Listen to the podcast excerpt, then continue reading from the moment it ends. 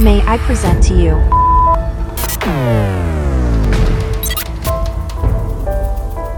I do not want to take over the world.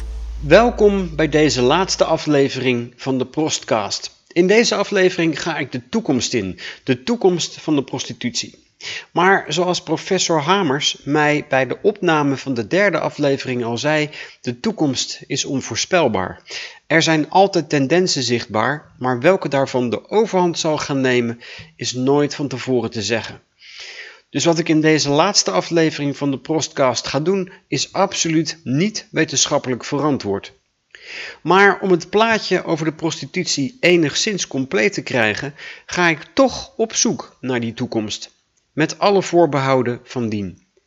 Misschien zou je kunnen zeggen dat hoe verder je in de toekomst kijkt, hoe moeilijker het voorspellen is. We pakken een heel klein glazen bolletje om voorzichtig een klein stukje in de toekomst te kunnen kijken. Maar goed, laten we beginnen met waar we vorige week gebleven waren, in het heden. Op dit moment zijn er verschillende soorten prostitutie wereldwijd. Raam, straat, thuis en clubprostitutie. Verder nog webcamming, escort services en sommigen rekenen telefoonseks en sugar daddies en mommies er ook bij. Over de hele wereld zijn er zes categorieën wettelijke statussen voor prostitutie te onderscheiden. En ik waarschuw vast, de categorieën 2, 3 en 4 lijken heel veel op elkaar, maar verschillen op punten. 1. Criminalisering. Bij deze categorie zijn alle vormen en soorten van prostitutie verboden. En dit heb je in het Midden-Oosten en in de meeste Afrikaanse en Aziatische landen. 2. Abolitionisme. In deze categorie is prostitutie min of meer legaal. Bordelen en pooierschap zijn illegaal. Openbare veiligheid wordt gewaarborgd door straatprostitutie te verbieden. Deze categorie kom je tegen in Spanje, Portugal en een aantal Afrikaanse landen. 3. Neo-abolitionisme. Oftewel het Zweedse model. Hierbij is sekswerk legaal, maar bordelen en pooiers en straatprostitutie zijn verboden. Sekswerkers zijn niet strafbaar, maar klanten en pooiers wel. En dit model vind je in Frankrijk, in Canada, Israël, Noorwegen, Zweden en een aantal andere landen. 4. Legalisering. Hierbij is prostitutie niet verboden, maar er is wetgeving en ook plaatselijke wetgeving om het aanbod van prostitutie te controleren en te reguleren. En dat gebeurt dan door werkvergunningen, licenties of tolerantiezones. En deze categorie hebben we in Nederland en in een aantal andere landen in Europa, zoals Zwitserland, Griekenland en Turkije. Maar je vindt het ook in landen aan de oostkust van Zuid-Amerika. 5. Decriminalisering. In deze vijfde categorie is sekswerk helemaal legaal. De strafrechtelijke vervolging voor sekswerk is afgeschaft en dit vind je onder andere in Nieuw-Zeeland en in België. Ik moet er wel bij zeggen dat illegale prostitutie, dat betekent seks met dieren, met kinderen, met dwang en uitbuiting enzovoort, dat blijft wel strafbaar. 6. En dan is er nog een restcategorie en dat zijn een handvol landen en gebieden die helemaal geen wetgeving of regelgeving hebben over prostitutie. U zit hier met de gevolgen van het vorige beleid, van de vorige generatie. Daar kunnen we niks meer aan doen, maar de volgende zet is echt aan u. 50.000 Nederlanders vragen u om een menswaardig beleid. Om te werken aan een samenleving waarin niemand in een ongelijkwaardige situatie hoeft terecht te komen. Waarin geen mens meer is gedoemd tot het web van commerciële seksuele uitbuiting. De beste aanpak tegen moderne slavernij in de seksindustrie is het strafbaar stellen van het kopen van seks. Voorzitter, na Zweden zijn met hetzelfde succes Noorwegen, Ierland, Frankrijk en Israël gevolgd. Ik vraag u, is het nu tijd voor Nederland? In september 2020 gaf Expose, zoals zij zelf zeggen, een beweging van jonge mensen, in de Tweede Kamer een toelichting op het burgerinitiatief Ik ben onbetaalbaar, om het Zweedse model, waar de klant dus strafbaar is, in Nederland in te voeren. Het burgerinitiatief leidde tot een Kamerdebat, maar de meeste partijen zagen niets in de strafbaarstelling. En ik vroeg me af welke van deze zes categorieën in de toekomst hier in Nederland ingevoerd zouden kunnen worden. Vorige week hoorde je sekswerker Melissa en ik legde ook aan haar die vraag voor. Ja, nou, over België kan ik kort zijn. Daar hebben ze het gedecriminaliseerd. Maar zolang we hier christelijke partijen in de regering hebben, gaat dat niet gebeuren. Dat, dat durf ik mijn hand wel voor in het vuur te steken. En, eh, want de, de, de, de regulatie omtrent abortus, euthanasie, dat is ook al, alleen maar tot stand gekomen in periodes dat het CDA niet in de regering zat. Als in Nederland die wet en regelgeving zou veranderen, gaat dat volgens Melissa dus nog wel even duren. Volgens de Belgische professor Jelle Hamers, die je in de derde aflevering hoorde, kan het alle kanten op. Dus ja, welke richting houden? Die van de heksen of die van, de, van, van, de, van meer tolerantie? Ik, ik denk dat we de eerste jaren misschien, of, of zeker toch zoals het wat nu in België is gebeurd, meer openheid komt. Maar anderzijds zie je ja, met de opkomst van een aantal rechtse, rechtse stromingen, die, die toch, ja, kunnen ze moeilijk vrouwvriendelijk noemen, of mensvriendelijk misschien zelfs het algemeen. Ik legde de vraag ook voor aan dokter Frank Bosman. Hij is cultuurtheoloog aan de Tilburgse Universiteit en schrijver van het boek God houdt van seks. Hoe denkt hij dat er in de toekomst over de prostituee gedacht wordt? Nou, dat is een hele goede vraag. Ik denk namelijk dat wij over 50 jaar uh, veel conservatiever zijn dan nu. Ja, dus de, de geschiedenis is altijd een, uh, noem dat, een pendulum, hè? Het altijd heen en weer. Dus je ziet dat periodes van grote vrijheid, zoals de jaren 60 en 70, uh, afgewisseld worden door periodes van meer maatschappelijk conservatisme. Dat zou je in hoofdweg de jaren 80, 90 kunnen noemen. Dan zie je weer een opleving van progressieve ideeën. Dat zou je de zeros en de tens misschien kunnen noemen. En uh, waarin er heel veel mag en heel veel kan. En uh, dan gaat, of het dan gaat over abortus en euthanasie, of als het dan gaat over drugsgebruik, of over vrije seks, of over uh, de hele discussie die we nu hebben over gender identity en, en over uh, seksuele geslachtsidentificatie. Uh, transgenders en dergelijke. Dat kan allemaal gebeuren omdat we in een wat, een wat, wat progressiever klimaat zitten. Maar als ik ga kijken, dus toen niet koffiedik kijken en mm. zal over vijf jaar allemaal gelul blijken zijn, geef ik. Maar als ik probeer te kijken naar de situatie in de wereld. En ik kijk een beetje naar Amerika, wat toch altijd, of je nou leuk vindt of niet, toch een beetje ons voorland is. En als ik zie hoe de politieke wind in Nederland bijt, waarin vooral de rechtse partijen toch tractie lijken te hebben en de linkse aan het worstelen zijn. Als ik zie hoe de Sinterklaas-discussie eigenlijk klaar is en eigenlijk niet meer gesproken wordt, als je ziet dat dan wel wokisme wordt genoemd, dat is natuurlijk een lelijk woord, maar ik zeg toch maar even dat dat steeds meer aangevallen wordt en gerelativeerd wordt. Soms moet dat ook, hè. Ik bedoel, uh, relativeren is altijd goed zijn. Dan denk ik, als we zien dat het argument dat bijvoorbeeld prostitutie toch eigenlijk altijd mensenhandel is, zou me niet verbazen als we in een conservatieve of conservativiserende, dat worden we eruit gevonden, periode zitten. En dat zou concreet voor de prostitutie wel eens kunnen betekenen dat bijvoorbeeld het bordeelverbod weer terugkomt. Waardoor uh, prostitutie in de era van tijd verdwijnt met alle vervelende vervolgen van dien. Hè? Want we weten natuurlijk allemaal, als je iets verbiedt, dat je tenminste niet mee uh, ophouden om te doen. We hebben al heel lang tegen elkaar gezegd dat je elkaar niet mag vermoorden. En ik geloof dat we dat ook nog steeds doen. Helaas, opvallend door de oorlog en aan de hand. Ja. En, ja, ja, en dit, we zitten nu denk ik in een tijd voor conservatieve reactie. Uh, waarin er een soort correctie plaatsvindt op uh, vrijheidsdenken en, en, en, en ja, een soort supra-individualisme. De petitie van Expose zou een voorbeeld van zo'n tegenbeweging kunnen zijn. Maar voor die tegenbeweging is het nu dus nog te vroeg. Over Frank Bosman later meer. In de afgelopen jaren werd de markt voor sekspoppen en seksrobots steeds groter. Sekspoppen bestaan al lang. Het verhaal gaat dat Adolf Hitler opblaasbare sekspoppen liet maken voor zijn soldaten die in Frankrijk gelegerd waren. Seksrobots zijn nieuwer. Tegenwoordig kunnen poppen min of meer autonoom bewegen en is het verschil tussen seksrobots en sekspoppen steeds kleiner aan het worden. Waren poppen vroeger alleen maar passieve stukken plastic en later rubber in de vorm van een vrouw of een man, Tegenwoordig kunnen ze hun hoofd, ogen en lippen bewegen, al gaat het nog wat houterig, en praten ze terug. Het is niet helemaal duidelijk waar en wanneer het eerste sekspoppenbordeel ter wereld opende. Er zijn verschillende bedrijven die dat claimen, maar de eerste verschenen rond 2017 en 18 sekswerkster Melissa over haar idee over sekspoppen.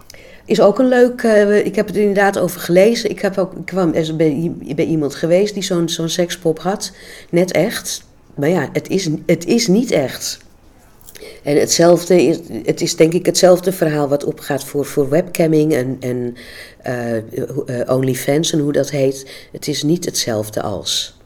En ja, je hebt toch mensen die liever gewoon echt gewoon contact hebben met iemand. Fysiek contact. Ja, ook met iemand die terugpraat. In 2019 werd tijdens een congres in de Bulgaarse hoofdstad Sofia de eerste commerciële robot gepresenteerd. Hi everyone.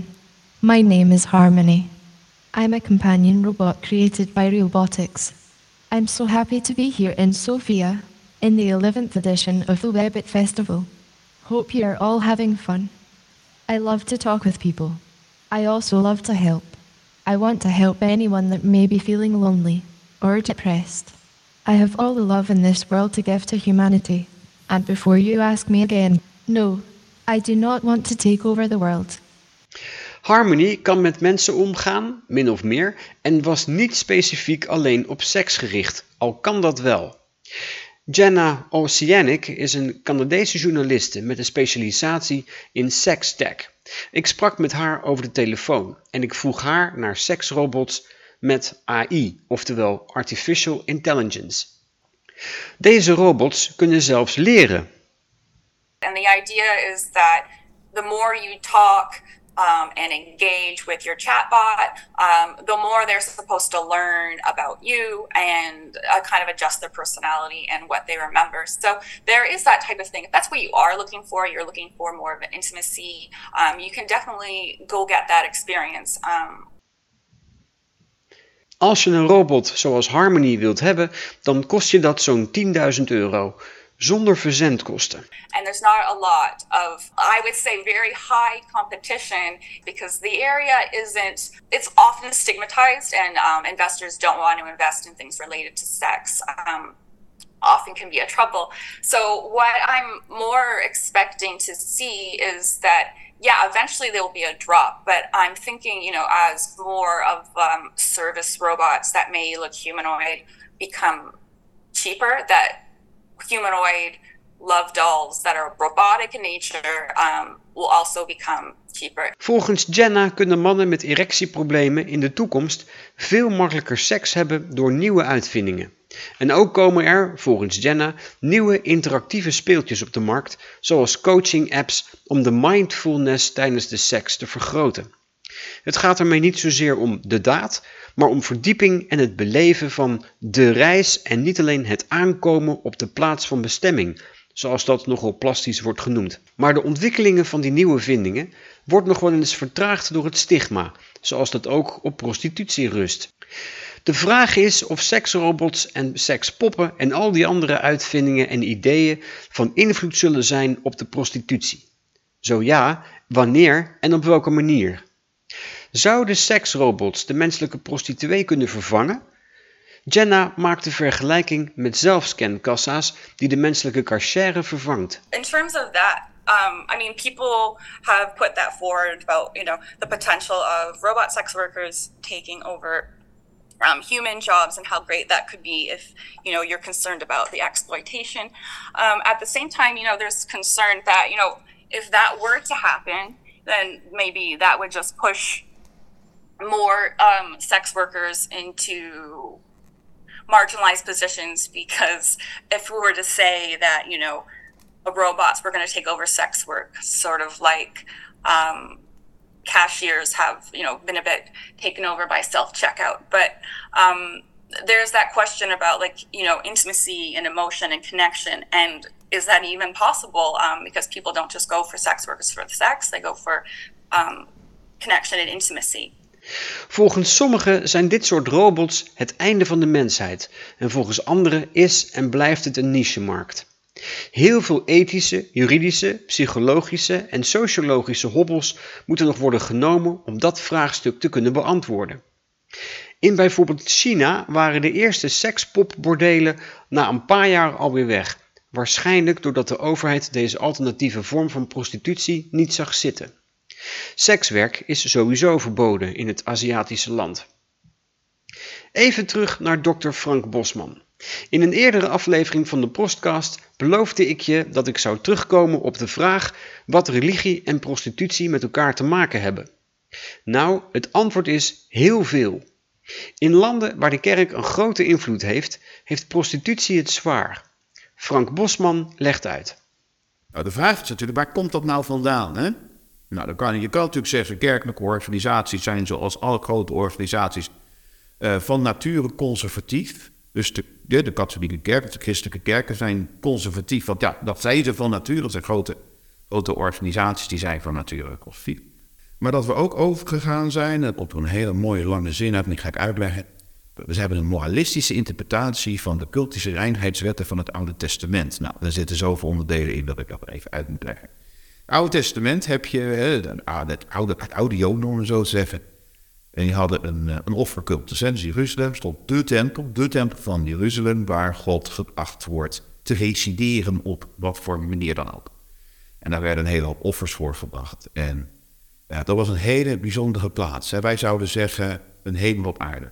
Dus als je naar Jeruzalem toe wil gaan en als je naar die tempel toe wil gaan en als je daar offers wil brengen, en misschien wel met God wil communiceren op een bepaalde manier, dan, dan word je je heel speciaal gedragen. Dat is een hele speciale plek, dus dan moet je je heel speciaal bijvoorbeeld. En als je naar een wedstrijd van het Nederlands elftal toe gaat, maar je bent gekleed in de kleuren van, uh, van de uh, Verenigde Staten, dan heb je een klein sociaal probleem. Nou, dus als je naar die tempel van Jeruzalem toe gaat, moet je je op een bepaalde manier gedragen. Dus dan uh, moet je bijvoorbeeld uh, uh, geen doden aangeraakt hebben. Uh, en je moet je aan allerlei reinheidswetten houden. Het gaat over wat je, wat je wel en niet mag eten dan. maar ook bijvoorbeeld dat je geen seks gehad mag hebben. je mag niet in contact geweest zijn met bloed en met sperma. Je mag niet net een kind gekregen hebben en dergelijke. Dat, dat, je moest je op een bepaalde manier gedragen. Dat had niks met moreel te maken. Dat had niks te maken met goed en kwaad.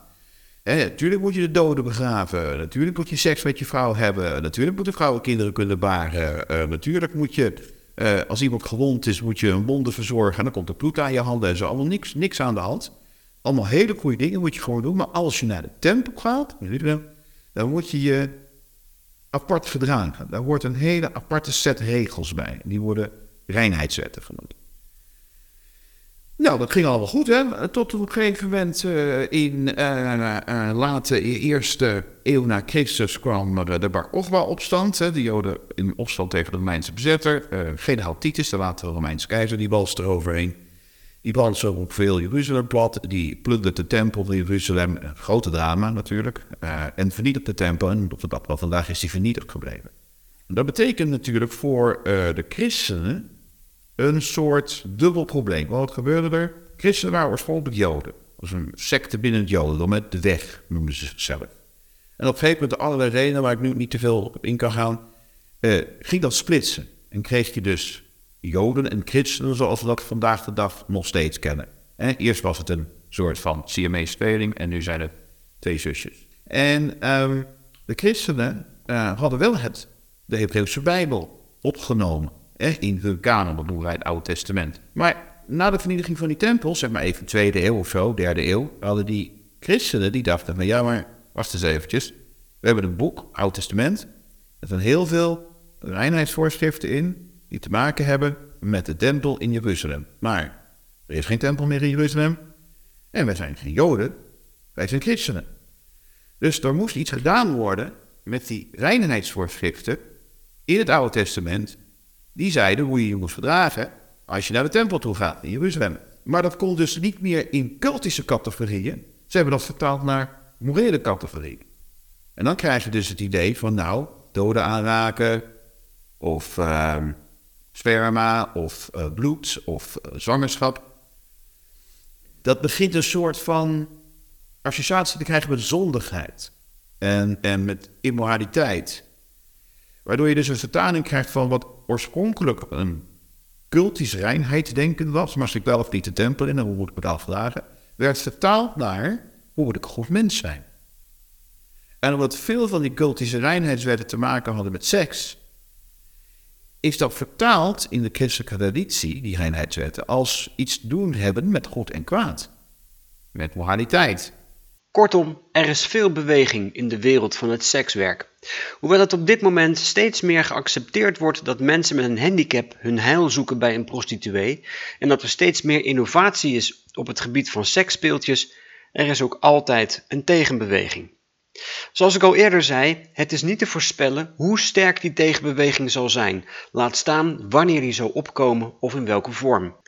Steeds meer vrouwen maken gebruik van mannelijke sekswerkers, mannelijke sekspoppen of andere speeltjes. Ook worden andere genderidentiteiten of soorten seks in het sekswerk geaccepteerd. Denk maar aan transgenders, SM of fetishen. Maar hoewel zaken als bondage en sadomasochisme al heel lang bestaan, denk maar aan het voorbeeld van de graftomben van de Etrusken uit de tweede aflevering en de boeken van Marquise de Sade uit het einde van de 18e eeuw, pas relatief kort worden ze toegepast in het sekswerk en zijn ze min of meer geaccepteerd. Dat proces van acceptatie kan dus lang duren. Over de hele wereld is sekswerk. Alleen lang niet overal is sekswerk geaccepteerd of is zelfs strafbaar. En zolang politieke, religieuze en inkomensverschillen tussen landen even groot blijven als ze nu zijn, zal er een aanzuigende werking zijn naar landen waar sekswerkers meer kunnen verdienen. Niet alleen geld, maar dat geldt ook voor respect en veiligheid. Welk wettelijk model de Zweedse, de Nieuw-Zeelandse of welke andere dan ook Nederland en andere landen zullen omarmen, is niet te zeggen. Maar misschien is dit wel het nieuws van de toekomst. Dit is het nieuws. Sinds vandaag zijn er meer plastic sekswerkers van het X-gender dan ooit. Ieder die dat wil kan zijn eigen sekswerker kopen of trouwen. De nieuwste trend is de plastic sekswerker met paarse oortjes en een huidskleur die op elk gewenst moment kan worden aangepast. Dan als laatste de vraag waar deze hele podcastserie mee begon. Is prostitutie nou wel of niet het oudste beroep ter wereld? Nee, volgens historicus Magali Rodriguez Garcia van de Universiteit van Leuven niet. De verwarring is gekomen door de kerk, schreef ze me. In oude geschriften werden woorden voor alleenstaande vrouwen door priesters verkeerd vertaald naar prostituee. Deze vrouwen werkten bijvoorbeeld in herbergen met heel veel andere mensen, met publiek. Een publieke vrouw dus. Beroepen als kok, priester of arts zijn volgens haar veel ouder. Dit was de laatste aflevering van de Prostcast. Mijn dank aan iedereen die hier aan heeft bijgedragen. Eden Cross, Annette Mooi, Bouke van der Meer, Carolijn van Duren, Dekker, Debbie de Haas, de familie Regoe, Frank Bosman, Hans van Keulen, het Utrechts Archief, Ine van Wezenbeek, Ines van Aaften, Jelle Hamers, Jenna Oceanic, Karin van S, Marjola de Groot, Magali Rodriguez Garcia, Melissa, Nettie Stoppelenburg, Ruurt Halbertsma, RTV Utrecht, Studio 040, Sietske van der Voort, Stefan Hagel, Tjeerd Adema, Theo Crispijn en Willemijn Havenaar. Luister je graag naar deze podcast? Laat de maker weten dat je waardeert wat hij of zij doet en geef een digitale fooi. Dat kan zonder abonnement, snel en simpel via fooiepot.com. Fooiepot met een d.com.